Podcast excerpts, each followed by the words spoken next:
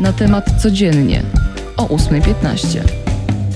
Cześć, z tej strony Magdalena Stokłosa. Zaczynamy na temat codziennie. Jest środa, 14 września i dziś sporo politycznych zapowiedzi będzie, bo Sejm zaczyna obrady, ale zanim do tego dojdziemy, to najpierw e, skrót tego, co się wydarzyło, bo Bayern Monachium okazał się lepszy od FC Barcelony. Robert Lewandowski nie strzelił swojemu byłemu klubowi gola i ostatecznie Bawarczycy pokonali Dumę Katalonii 2 do 0.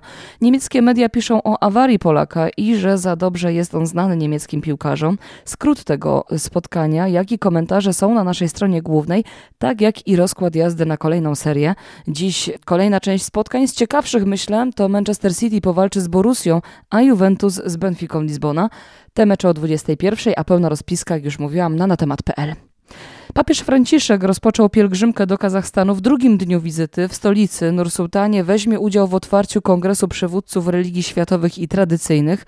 Odprawi też mszę, to w samo południe na placu Expo. Oczy całego świata zapewne zwrócone będą w stronę głowy Kościoła katolickiego. Oczekuje się, że na granicy z krajem, który wywołał wojnę z Ukrainą, w końcu padną słowa o potępieniu, a nie samo nawoływanie do pojednania. Okay, to tak jak już mówiłam, Sejm rozpoczyna dziś trzydniowe posiedzenie. W planach obrad znalazło się m.in. wydłużenie obowiązującej tarczy antyinflacyjnej do końca roku. Oznacza to utrzymanie czasowego obniżenia stawek VAT dotyczącego żywności, paliw silnikowych, gazu ziemnego czy energii elektrycznej i cieplnej.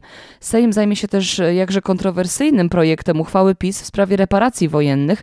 Napisano w nim, że Rzeczpospolita Polska nigdy nie otrzymała rekompensaty za straty osobowe oraz materialne spowodowane przez państwo niemieckie, nigdy nie otrzymała też zadośćuczynienia za ogrom krzywd wyrządzonych polskim obywatelom. Tu cytat. A żeby było ciekawie, to wczoraj dowiedzieliśmy się, że Koalicja Obywatelska złożyła swoją uchwałę w tej sprawie. Jednak ten dokument ma też zawierać rozliczenia wobec Rosji. Będzie też praca nad senackimi poprawkami w sprawie rekompensat dla odbiorców ciepła. Zakłada dodatek nie tylko węglowy e, dla rodzin palących peletem, biomasą, drewnem, olejem opałowym czy gazem. Będą też rekompensaty dla podmiotów dostarczających ciepło, wspólnot mieszkaniowych, spółdzielni, ale też m.in. szkół. Wśród zaproponowanych przez Senat poprawek znalazło się m.in. wykreślenie zapisu znoszącego normy jakości paliw.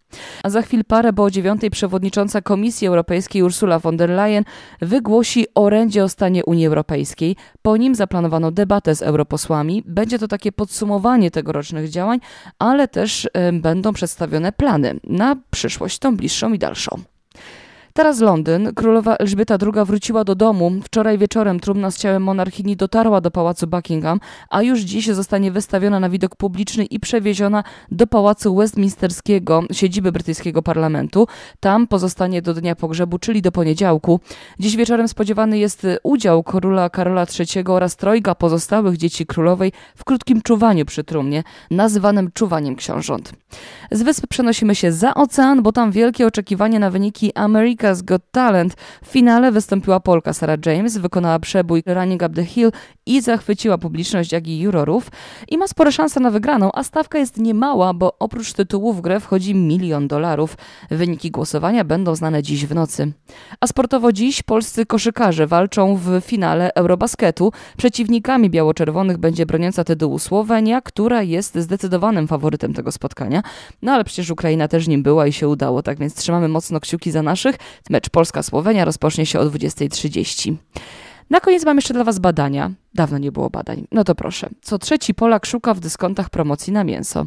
A? Spodziewaliście się takiej informacji? No proszę. Ponad 33% Polaków szuka w dyskontach promocji na mięso, 29% poluje na olej, masło i margarynę w promocji, a tańszego cukru czy mąki poszukuje 27% pytanych.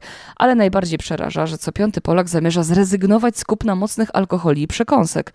Polecam to rozważyć, czy nie lepiej jednak zrezygnować z mięsa. Albo chociaż ograniczyć. Tak dla zdrowia. I to tyle na dziś. Magdalena Stokłosa, dzięki.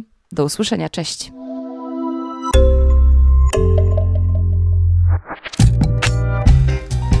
Na temat codziennie o 8.15.